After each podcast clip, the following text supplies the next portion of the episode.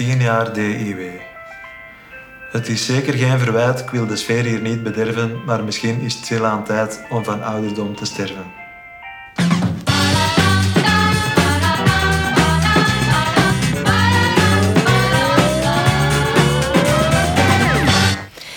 Ideale wereld bestaat tien jaar. En in plaats van dat op gepaste wijze te vieren, hebben we besloten om er een podcast over te maken.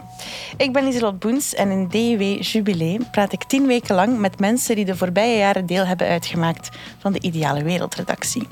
We zitten in onze televisiestudio in Vilvoorde, in oude leren zetels. En met we bedoel ik Jonas Geirnaert, Luc Hakes en Bert Janssens.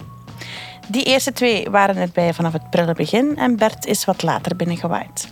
Aan de hand van een enorme voorraad aan anekdotes, analyses en een gigantische hoop flauwekul zetten we samen een nauwelijks waarneembare stap richting ideale podcast. Welkom dus bij DW Jubilee en welkom ook Jonas, Luc en Bert. Dank u wel. Hoe gaat het met jullie? Goed. Het is zo voor echt. Ja. Ik was ook vergeten dat het gefilmd werd. Want ik heb zo niet echt nagedacht over mijn kleding. Niet dat ik dat anders wel doe. Ik vind het een goede En keuze. Ik had me ook willen scheren, dus dat is ook niet gebeurd. Dus eh, kijk, voilà, daar moet de kijker maar mee leven. Tuurlijk. De kijker gaat ook zien dat wij dezelfde schoenen hebben. Ja. Voilà. Toch even, toch even zeggen. Ik val uit de boot. Ja, zoals altijd, Bert. We komen hier praten over tien jaar DUW. Moeten jullie vergraven om die herinneringen terug te vinden? Ik vind dat onthutsend dat al, al tien jaar is. Dat is een, een kwart van mijn leven geleden. eh, bij Luc een, een tiende, tiende of zoiets, denk ik. Vijf procent van uw leven. Ja. Eh, ja, ja, dat is, dat, nee, nee, dat, dat eerste jaar, dat, dat, het is niet dat dat heel ver zit of zo. Ehm, dat lijkt alsof het maar twee, drie jaar geleden is, bij Ja. wijze van spreken. Ja, eh, Misschien voordat we er echt aan beginnen, moeten we een soort van kleine voorstellingsronde doen. Dat is heel gemakkelijk. Wie ben je? Eh, wat deed je hier? En hoe lang heb je ongeveer voor de ideale wereld gewerkt? Eh, ja, ik ben Jonas. Ik ben in seizoen 1 begonnen als sidekick ook naast Jelle. En ik heb denk ik één jaar fulltime Ideale Wereld gewerkt. Dan af en toe nog een keer als sidekick. En dan eh, ben ik niet meer gevraagd. Eh, nee, ja, denk zo drie jaar eh, op en af erbij betrokken geweest. Oké, ja. oké. Luc? ja, ik ben dus Luc. En ik was er ook van in het eerste jaar bij, van in het prille begin. En ik heb dat wel langer volgehouden dan Jonas. Ja. Maar ik weet niet meer hoe lang. Maar eh, laten we zeggen zeven jaar of zo. Maar er waren intensievere periodes en waren ook periodes dat ze zeiden van blijf maar eventjes eh, weg. ik weet niet waarom, maar bon. Maar ja, en, en ik, ik herinner mij dat eerste jaar eh, nog het beste. Omdat dat het meest intensieve en het meest pionierjaar was. Al de rest ben ik vergeten. Nee, dat is niet waar.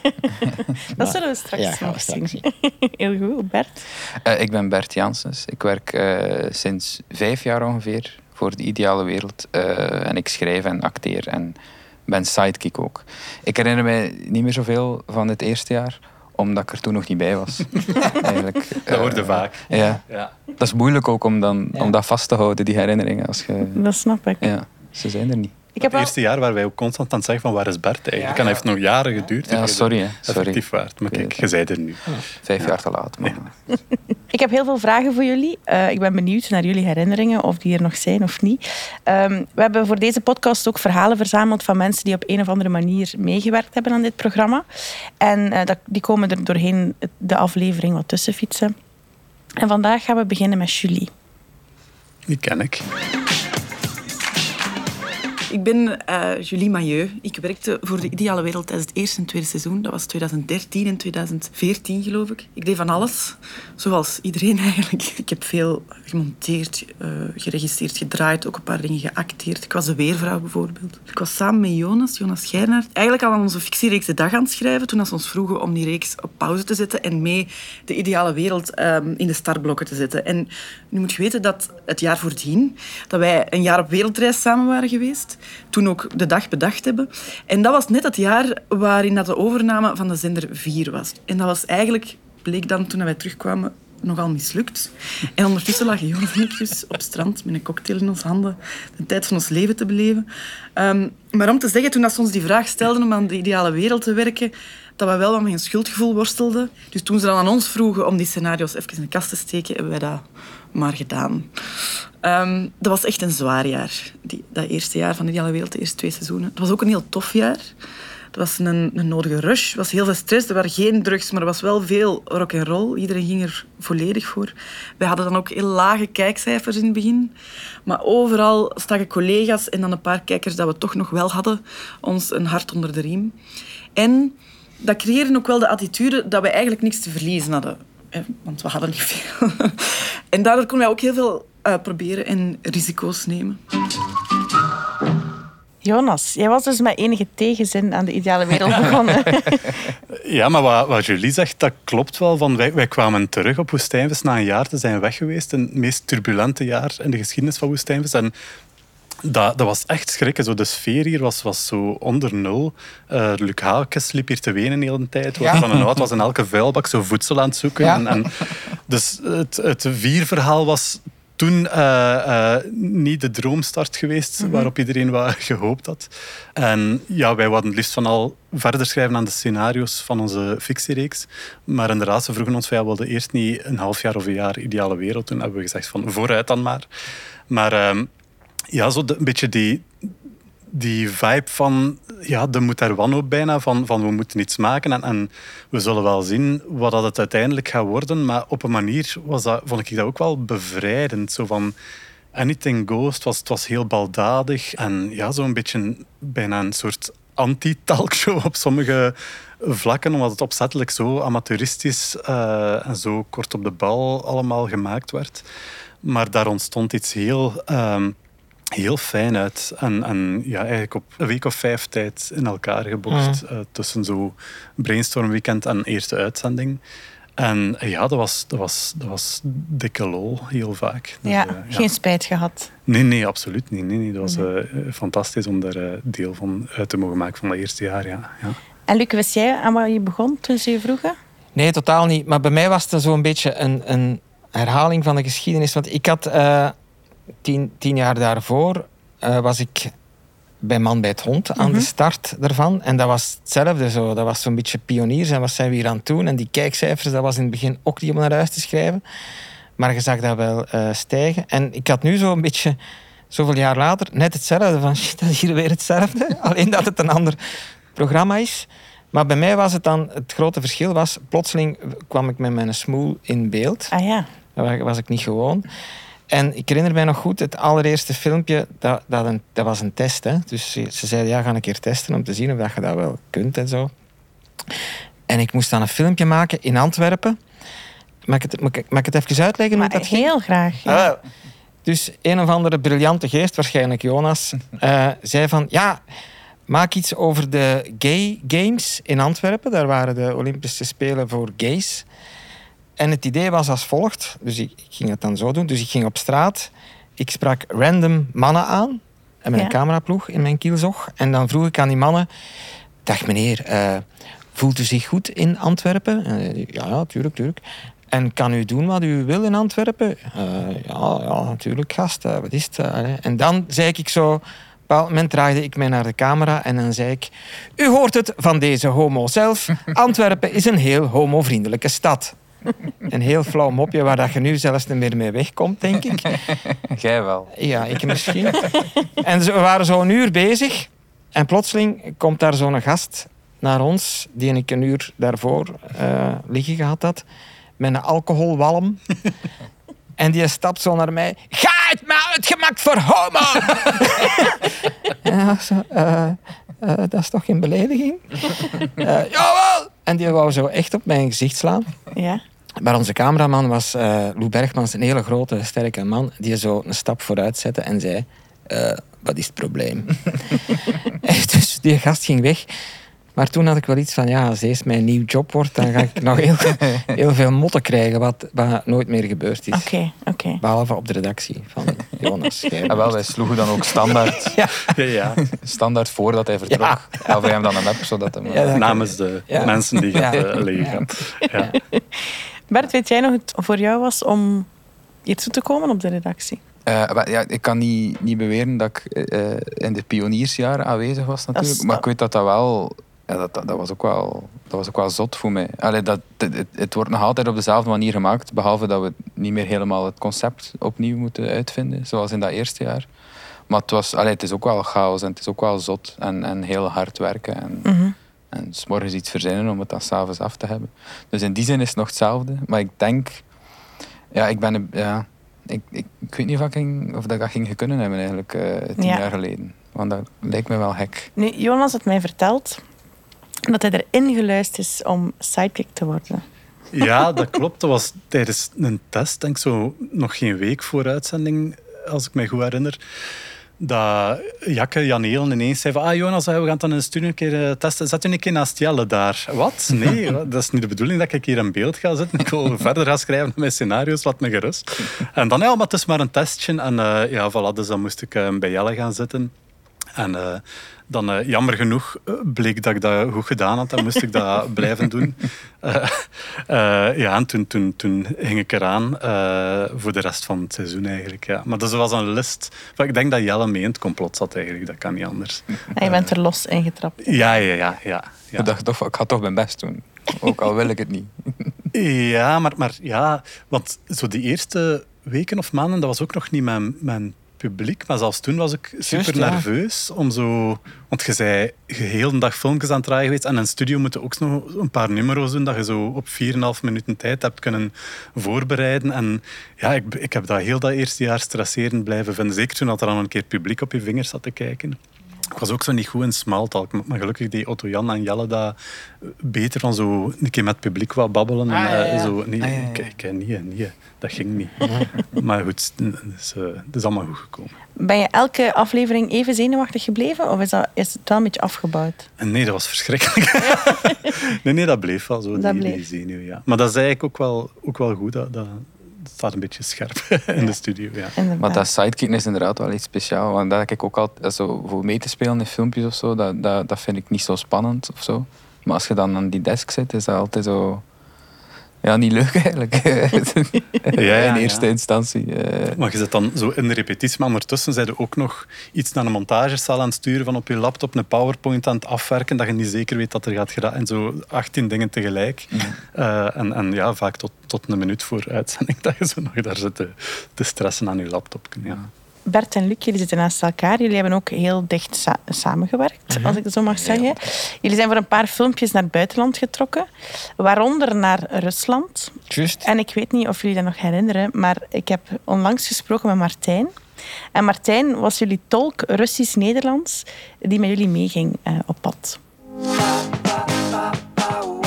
Hallo, mijn naam is Martijn Smiers en in 2018 begeleidde ik Luc Hakens op zijn reis naar Rusland. Het was 2018 WK voetballen in Rusland en België dacht glorieus wereldkampioen te worden. En dus had de Ideale Wereld een hele ploeg naar Rusland gestuurd om grappen te maken. Ik was tolk voor die ploeg en ik werd ook aangewezen tot mijn grote schrik als chauffeur. Maar goed, heeft Luc Hakens gevaar gelopen? Ja. Eh, dat was zo, we hadden een reportage, een, een eh, grap met verkiezingsaffiches. Het was campagnetijd in Rusland en we gingen Russen foppen met nepaffiches. Bijvoorbeeld, Poetin geeft je vleugels. Poetin, mannen weten waarom. Poetin, tv, video, hi-fi, elektro, multimedia, u heeft goed gekozen. Nou, dat ging niet zo goed. Want we wisten niet dat je in verkiezingstijd niet zomaar met affiches op mocht rondlopen. Dus iedere keer als wij een agent tegenkwamen, verloren we weer een paar affiches. Nou, bij een van die keren ging het zo. De agent wees naar het affiche dat Luc in zijn hand had. En zei, ik wil dat affiche. Luc zei, dan wil ik uw pet. Nou, ik ben nog nooit zo dicht bij een Russische celstraf geweest. Gelukkig had die agent humor en gingen we vrij uit. Maar hoe het anders was afgelopen, weet ik niet. Ik denk dat ik nu nog in Belgische talkshows Poetin had zitten smeken... of hij alsjeblieft de Belgische grappenmaker Luc Hakens zou willen vrijlaten. Heb ik iets van de ideale wereld geleerd? Ja. Namelijk dat je in straatinterviews alles, maar dan werkelijk alles aan mensen kunt vragen. Dat was voor mij als journalist heel handig. Het was mijn eerste week in Rusland zo'n beetje. En in die week had ik dus met de ideale wereld al aan random Russen gevraagd of ze alsjeblieft wilden zingen tralalalala, ik spuug niet op mijn vrouw tralalalala. nou, vanaf dat moment kan alles. Oh, dat was ik al allemaal vergeten. zeg. Ja, die. Die Ja. weet nog heel veel, precies. Je weet nog veel, ja. Ja. Ja, De slogans van de affiches zelfs ook nog. ja, ja, ja, ja. Maar dus die reis, hoe is dat verlopen? Ja, dat was... eh, Weet je nog, voordat we vertrokken had ik zo een... een ik geef af en toe les en ik had een Russische student en ik had gevraagd, kom eens een keer af. Om, en ik ga eens uitleggen wat dat we gaan doen. En ik liet zo die affiches zien van Poetin. Poetin verkleed eh, als, eh, wat was het allemaal, met een hanenkam en zo. en als travestiet. zo- Ja, Ja. ja. Ja, En met zo'n net, net t-shirtje. Om, ja. Ja, en die Rus die zat hier en die zei... Wat? Ga je daarmee in Moskou rondlopen? Ah, good luck! en de- de- ja, we dachten, oh, die overdrijft, hè. Ja, ja, ik meen me wel te herinneren dat we er een paar uit hadden, omdat hij wel heel hard wees op dat we hem niet gay mochten noemen. Ja, ja, ja. Ja, Als je dat doet, dan zijn ze dood. hè. Ja, dat, Ja, die, ja. die hebben we denk ik niet meegenomen. maar- Ik denk dat toen de zaadjes geplant zijn van de Oekraïnse invasie. Dat eigenlijk dat Toch, ja. minderwaardigheidscomplex van de Russen daar een beetje aangestoken. Ah ja, want ja, eh, de Luc zegt ook, liegt ook altijd over wie dat hij is. Hij heeft heel vaak gezegd, ik ben een Oekraïner die hier komt. Inderdaad, ja. Luc Zelensky. Maar, dat, maar weet je nog, op een bepaald moment... eh, op, we stonden op het Rode Plein. Met die affiches. eh, Poetin als travestiet en zo. En ineens kwamen er zo van die, wat is dat, KGB-gasten eh, af. Ja, dat was wel echt eng. Dat was vies, hè? En dan, en dan ja, eh, eh, meekomen. In het Russisch dan. en eh, Maar als ik even mag onderbreken, want ik weet, wij wisten dus dat wij gevoelige informatie bij hadden, zijn de photoshops van Poetin. En wij zaten wel altijd tegen u te zeggen van, Luc, als ze komen, steek dat mapje weg. Ja. Steek dat mapje weg. En er komen dan zo twee vliegen bij ons, en hij dan met dat mapje zitten zwaaien. is echt? Zo, en, niet, en zo niet toedoen ook, of zo. Die, dat die waren dat echt niet aan het verwerken. Die zagen gewoon Ja. in uw handen. Ja, dat kan zijn. Ik weet nog dat hij een tolk zei, die Martijn dus. Nou, als we mee binnen moeten in het kantoor, dan hebben we echt een probleem. dus wij moesten mee naar dat politiekantoor. En gelukkig zei hij net voordat we binnen gaan zo, you wait here. Ja. En dan waren we echt wel zo van, oeh, chance. En dan stond, ja, stonden we daar met een bang hartje. Allee, Bert vooral, ik niet natuurlijk. en, en, Ja, ik was bang, ja. ik was heel bang. En dan kwam hij eh, na een half uur of zo terug met zo'n gezicht tot op de grond. En dan had hij, had hij dan onze affiches nog bij, dat weet ik niet. Ja, die, die, die gaf dan dat mapje terug. En daar zaten de meeste affiches nog in, behalve zo twee. ja, ja. En het was ook zo niet duidelijk waarom die twee niet. Dat was eh, ja, de Ja. ergste of zo. Of hetgeen dat zij het, het beledigendst vonden, hadden ze eruit gehaald. Ik weet wel dat hij zei eh, van eh bol het af en, en zie dat je nooit meer terugkomt. Ja. Waarop dat we nog twee uur lang op het Rode Plein gedraaid hebben. Nee. Nee, dan zijn we, naar, naar, zijn we 500 kilometer verder gereden en hebben we hetzelfde, hebben we hetzelfde gedaan. Dat was niet gepland, maar we dachten we moeten hier weg. En daar is dat gebeurd met die pet. Daar is dat met die pet gebeurd, ja. Ja. Op die, op die tweede locatie. Ja, meter, dat was zo in zo'n eh, boerendorpje. Ja. ja. Maar daar is dat allemaal veel minder angstaanjagend. Want, allee, want daar was de politie... Dat waren echt boeren met een Ja, uniform de aan. gendarmes. Ja. Zo. Maar dat was wel zot, want jij doet altijd eh, eh, extreme dingen, ook hier bij ons. Maar omdat wij dan in Rusland zaten, kon jij dat niet allemaal zelf doen. Dus hebben wij eigenlijk gewoon eh, een gast, Martijn, die, die, die van niks wist eigenlijk, van wat dat, dat programma was. Allemaal die, die, die extreme dingen laten zeggen tegen die mensen. Wat dat onverantwoord was. Ja. Maar je bent ook naar Amerika getrokken. Hè? Daar moet het toch ook moeilijk geweest zijn? Ja, dat, in Amerika, ja, dat is juist. Ja, daar, waren, daar kwamen de flikken ook af. Dat is waar. Echt, ja. Ja, dat was zo. In Am- Amerika is echt een, een stoem land, vind ik. Ik ben, ik ben er niet voor. Eh, omdat eh, je moet daar voor alles eh, vergunningen en, en, en permits en heel de shit hebben. En, en ik ben heel slecht in administratie en dat soort dingen. En ik weet nog, eh, ik ben zo eh, weer met de cameraploeg aan het wandelen en we, stappen een kapsalon binnen. Mhm. En ik vraag heel vriendelijk, want ik kan vriendelijk zijn, hè, Bert? Ik Heel vraag vriendelijk, Heel vriendelijk. Hello, eh, can I ask you something? En dan die kapster zo heel onbeleefd. You have a permission for this? Dat was al de zevende keer die een dag, dus ik dacht, fuck off. En ik zei zo heel stoer, I don't do permissions. zo, echt zo gelijk een, een, een actiefilm. Dan het plafond ja, geschoten. ja, ja, dat ontbrak er nog aan. En, en, en, dus ik draaide mij om en ik wandel heel stoer terug buiten zo. De ploeg, mij be- vol bewondering, eh, bekeken die mij. En echt waar, tien minuten later zo... pieuw, flikken zo. Naast ons. Sir. en dan begonnen die zo, wat doe jij hier en dit en. Uh, die begonnen zo al heel de koffer uit te laden. En ik dacht, oh, dat komt hier niet goed. Want die Amerikanen, daar kunt daar ook niet mee... Met Russen en zo kunnen nog zeggen van ik zal je pet even opzetten en we gaan een keer lachen. Maar bij Amerikanen niet, hè. Dus dat, dat, was geen onderhandelingsruimte.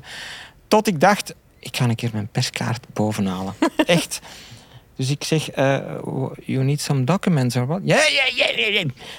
Dus ik pak gewoon mijn perskaart. Ik zei, this is my presscard. En die mannen, alsof dat je ergens op een knop gedrukt had, die bekeken dat.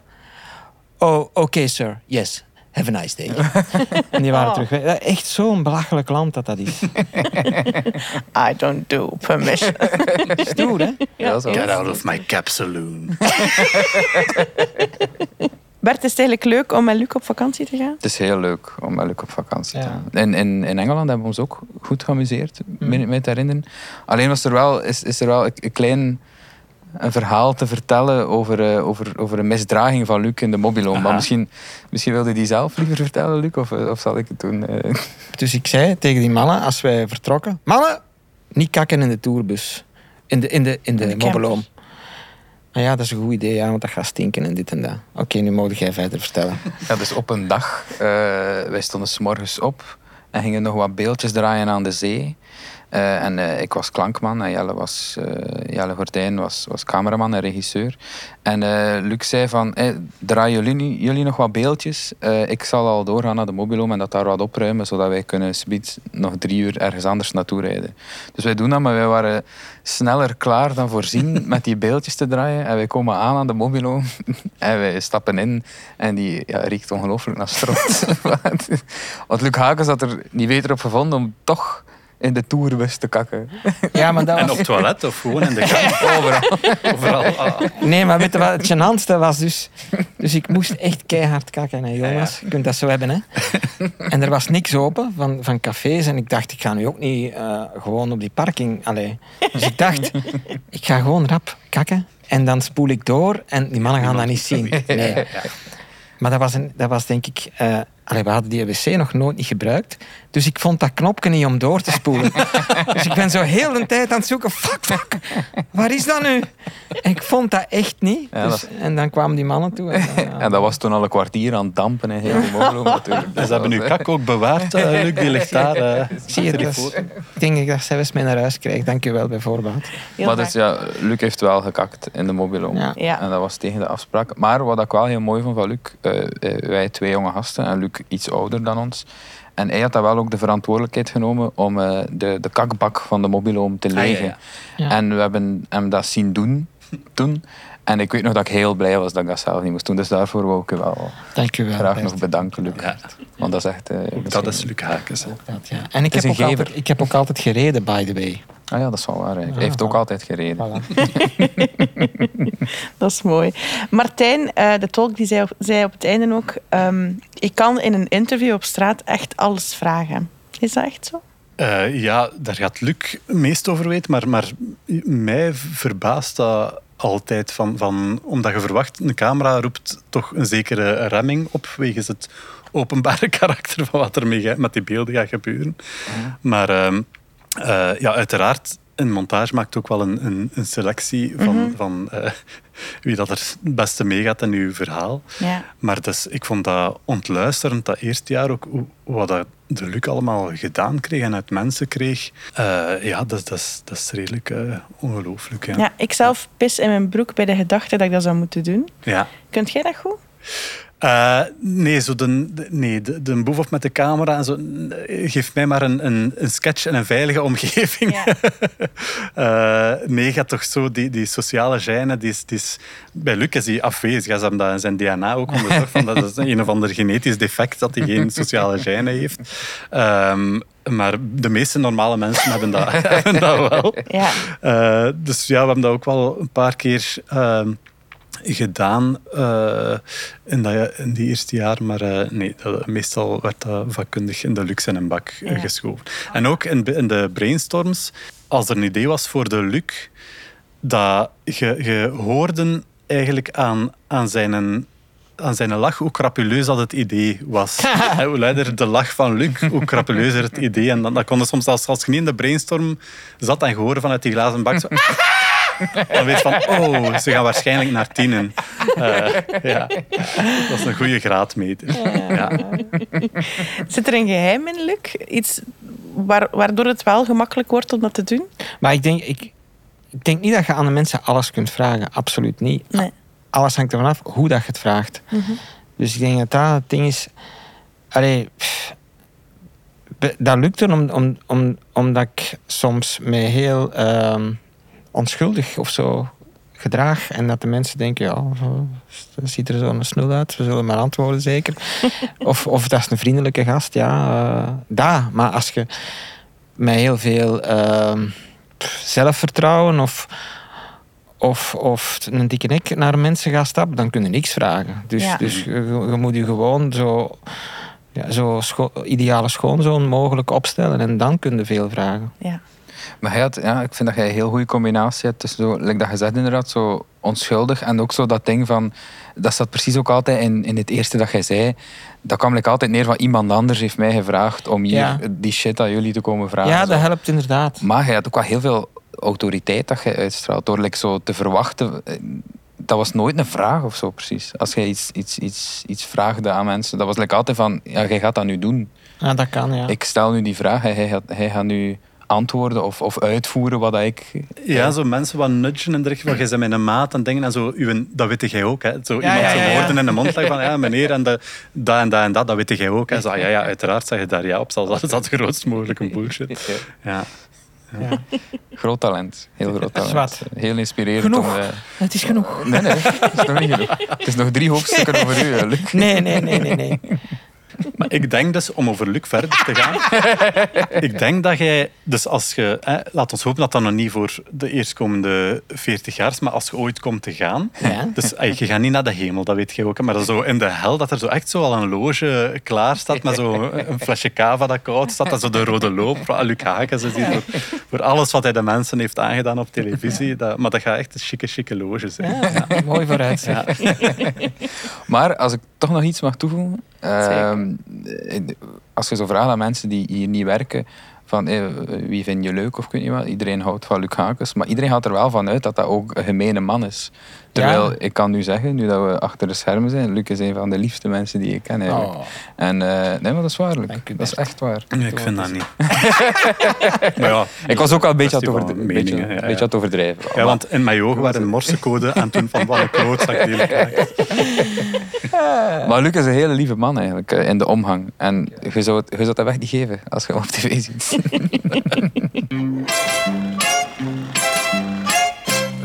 Mijn naam is Duncan Kleissens. Ik werk al sinds 2015 voor de ideale wereld. En ik hield me voornamelijk bezig met het zoeken van quotes, beelden uit journaals ter zake de afspraak zevende dag voor de monologen van Jan Jaap in eerste instantie. Wat daarbij af en toe opvalt en zeer bevreemdend is, is als je na een paar uur visioneren, kijken naar ter zaak over de begroting of, of journaals over de oorlog in Oekraïne, plots opkijkt van het computerscherm en je ziet Lucas Lely zitten verkleed als een, als een kuiken of Bert Janssens verkleed als een soort clown.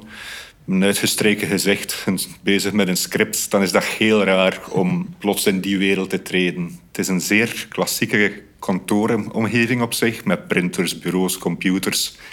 En dan is het raar om plots pakweg een stagiair die voor een of ander sketch nazi-vlaggen zit uit te knippen op een A3-formaat. In een vergaderruimte de volledige cast van die Avengers te zien zitten die in knullige pakken met papieren hun script zitten door te nemen. Ik kan me dus ook voorstellen dat als daar bezoekers komen of als de IT-boys op de redactie passeren, dat ze soms denken van wat voor een vreemde, surreële omgeving is dit hier? Van wat voor een circus zijn we hier beland? Hoe bijzonder is de redactie van de Ideale Wereld?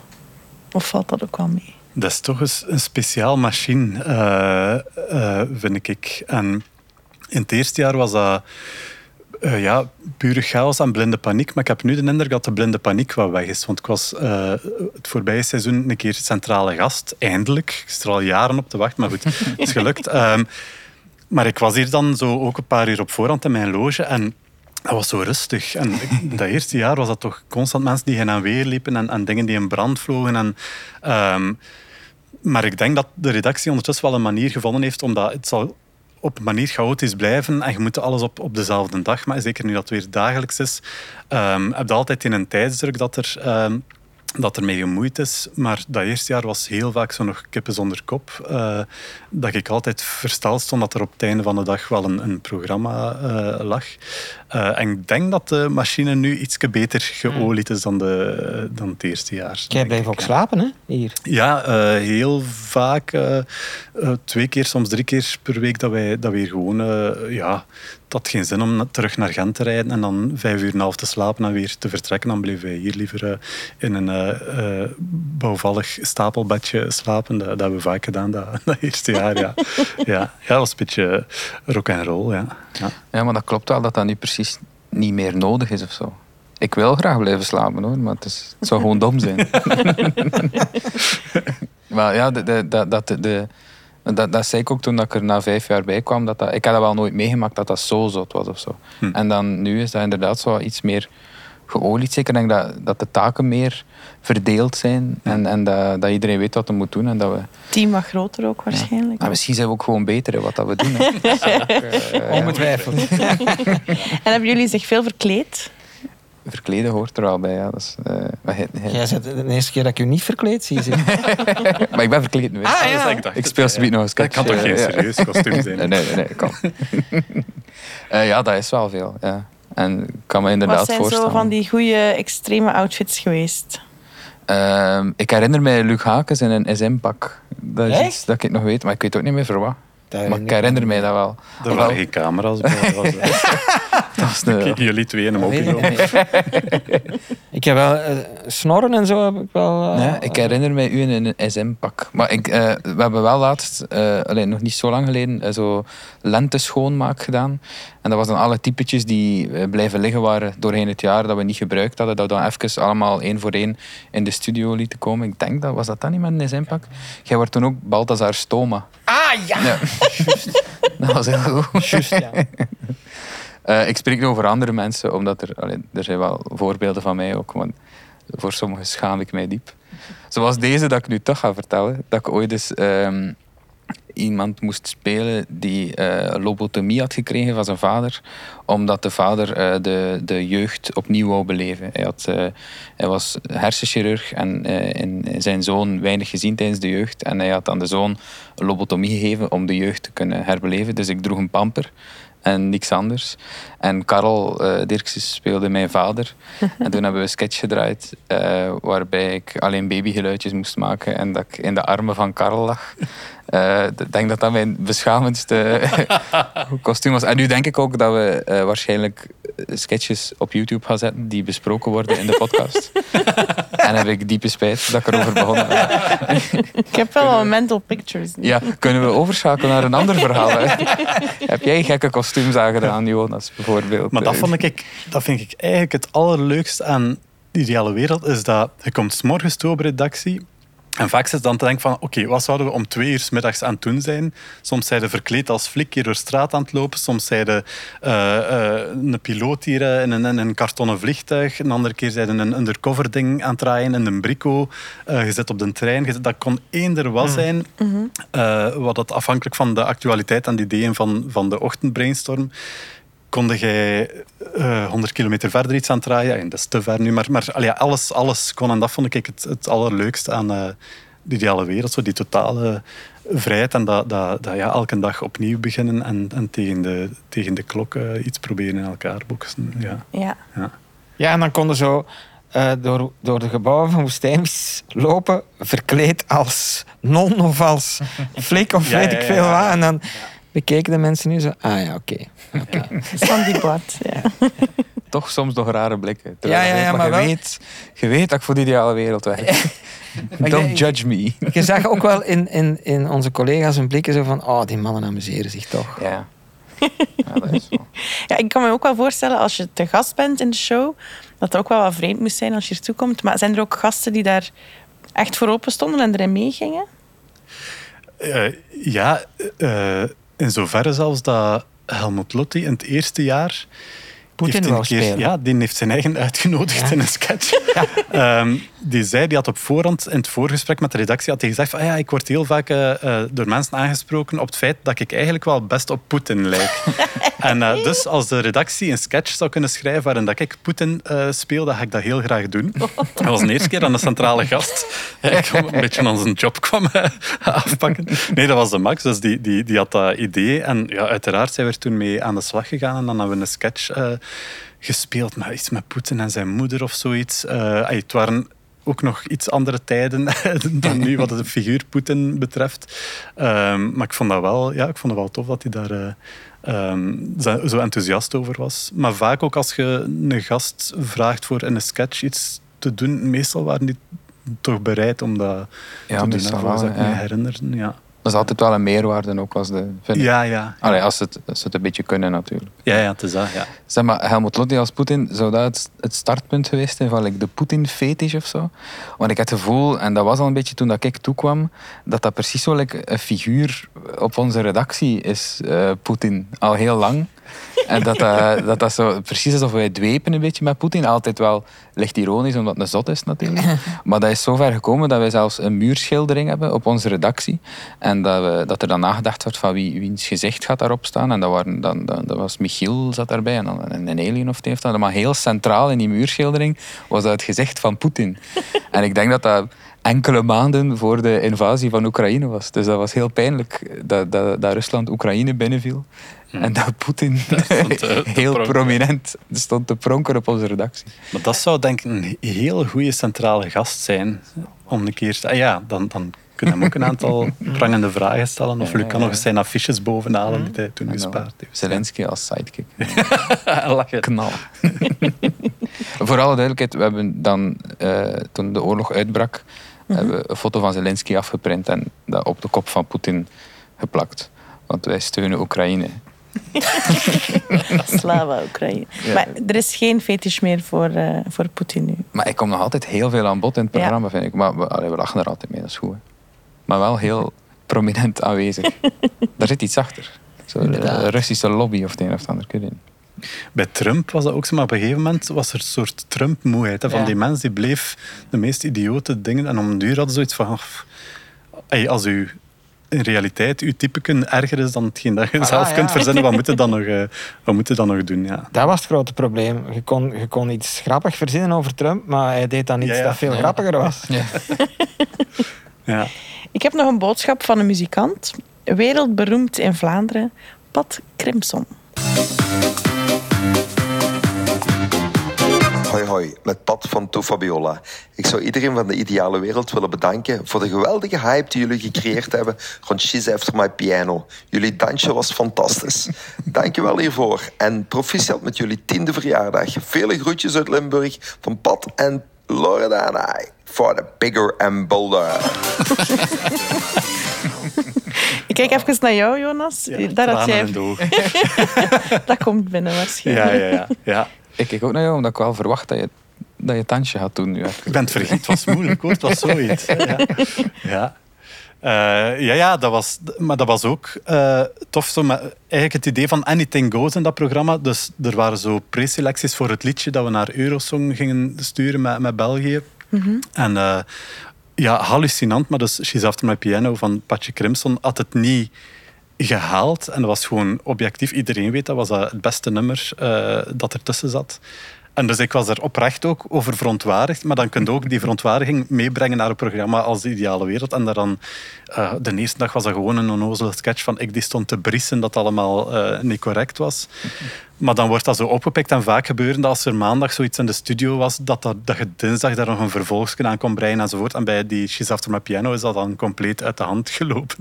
Ehm, dat wij zelfs, ja, wij zijn, wij zijn een keer gaan, gaan meedoen, zeker het Sportpaleis of het een of het Ja? ander. Ja, daar is dat ge- geëindigd. Het heeft niet mogen baten, hè, dus ze zijn niet naar Eurosong gegaan. Eh, eh, maar eh, ja, dat was zo'n voorbeeld van iets dat als een debiel ideetje begint en dan compleet uit de hand loopt. En eindigt in het en Sportpaleis. eindigt in het Sportpaleis, ja. ja.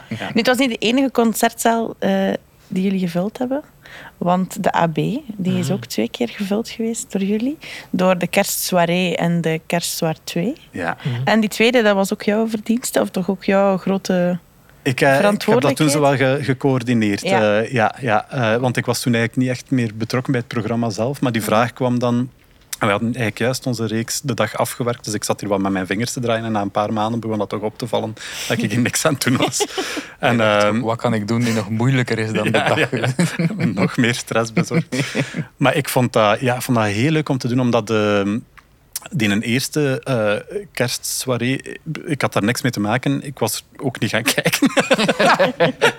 maar ik heb dan wel de opname gezien en ik vond dat, ik vond dat fantastisch. En eh, dat is toch nog altijd ja, zo, zo op een podium daar iets gaan doen. Dat is, dat is, dat is nog spannender, vind ik, dan een, een semi-live uitzending in een studio. Ehm, en ja, dat was ook weer zo veel te groots opgevat. En met een, een piste in kunstijs. eh, en, en kapitein Hakes, die daar eh, zijn schaatskunst moest bovenhalen. ja. En, eh, ehm, Arno. Arno, die daar heeft eh, opgetreden ook. Ja, ja, ja. Ehm, Toerist Lemcy, dat uit een soort confetti-kanon ging geschoten worden. Ja, omdat Chanel Pathé, eh, Sarah van Deurzen, ging, ging stront voeren Ja, aan de commerciële massa. stront in het publiek. stront, Ja, een. En dan dus moet iemand van de redactie naar Toerist Lemcy bellen van ja, ehm, dus het is een sketch dat ze zo een commerciële stront in het publiek schieten en ze hadden aan u gedacht om dat te doen. Ah, ja, ja, ja. Maar die doet dat dan. Dus, ja, waarop waarop die- hij zegt, ja, ja. Ja. Maar ja, dus, dus al die grote namen die zeggen er ook allemaal ja op. Dus ik vind dat fantastisch. Dus, eh, eeuwig respect voor, voor al die mensen. Ehm, ja, dus de kerstsoirée, zo de podium-extensie van de, de ideale wereld, ons in, de- in de studio. Dat was heel tof, ja. Ja, we stonden dan met, met iedereen op het podium zo een, een of ander bekend kerstnummer na te zingen. Ja. Ik weet niet meer wat het was. Eh, Het eerste jaar was dat Do They Know It's Christmas Ja, daar, ja. ja, ja, ja. Dat is echt straf. En, en dan, op den duur was dat zelfs gemeend. Zonder ironie. Allee, Ja, en ik weet nog dat we stonden daar en, en heel die zaal en dan zei Jelle eh, de Beulen zo, zo van mannen dichter als dit gaan we nooit tegen het popsterrendom geraken. Zo. Ik voelde echt zo op dat moment voor vijf minuten een popster. Dus rap weer over. Ja, zeer snel. Ja. Ontnuchterend snel. Ja. Ik weet wel van de Kerstzwaar 2 dat het een heel belangrijk deel van, van de show was dat het eh, op ijs was. Ja. Dat werd ook heel vaak benoemd, maar dat blijkbaar do- door de- hoe dat de AB ingedeeld is, dat alleen, alleen de twee voorste rijen hadden gezien dat daar Ja. kunstijs lag. En al de mensen eruit hadden dat niet door. En sommigen vroegen zich, was dat van dat, van dat schaatsen? Wat- Hoe was dat juist? Ja, waarom, li- waarom eh, liep de zo raar? Die had schaatsen en dat was kunst. Ah ja, niet gezien. Chic. Ja. Op YouTube kan je dat wel zien, natuurlijk. Ja, ja, dat helpt. op. Dat helpt. Als ik vraag naar jullie hoogtepunt, en ik weet dat is moeilijk, want allez, je moet echt op lange tijd terugkijken, is de Kerstzwaar 2 een van jouw hoogtepunten? Of is er nog iets dat er nog boven reikt? Eh, ja, die kerstsoirée sowieso. Maar zo'n sketch uit de beginjaren dat ik regelmatig nog eens aan terugdenk, is ehm, wij deden eh, regelmatig zo'n keer een, een, een debat in de studio tussen Jellen en ik. Waarbij dat, dat zo, ja, dat zo, Amerikaanse stijl, zo heel felle debatten aan elkaar ehm, eh, staan afkafferen enzovoort. Over de meest debiele onderwerpen. Hoe debieler het onderwerp, hoe, hoe beter dat dat marcheren.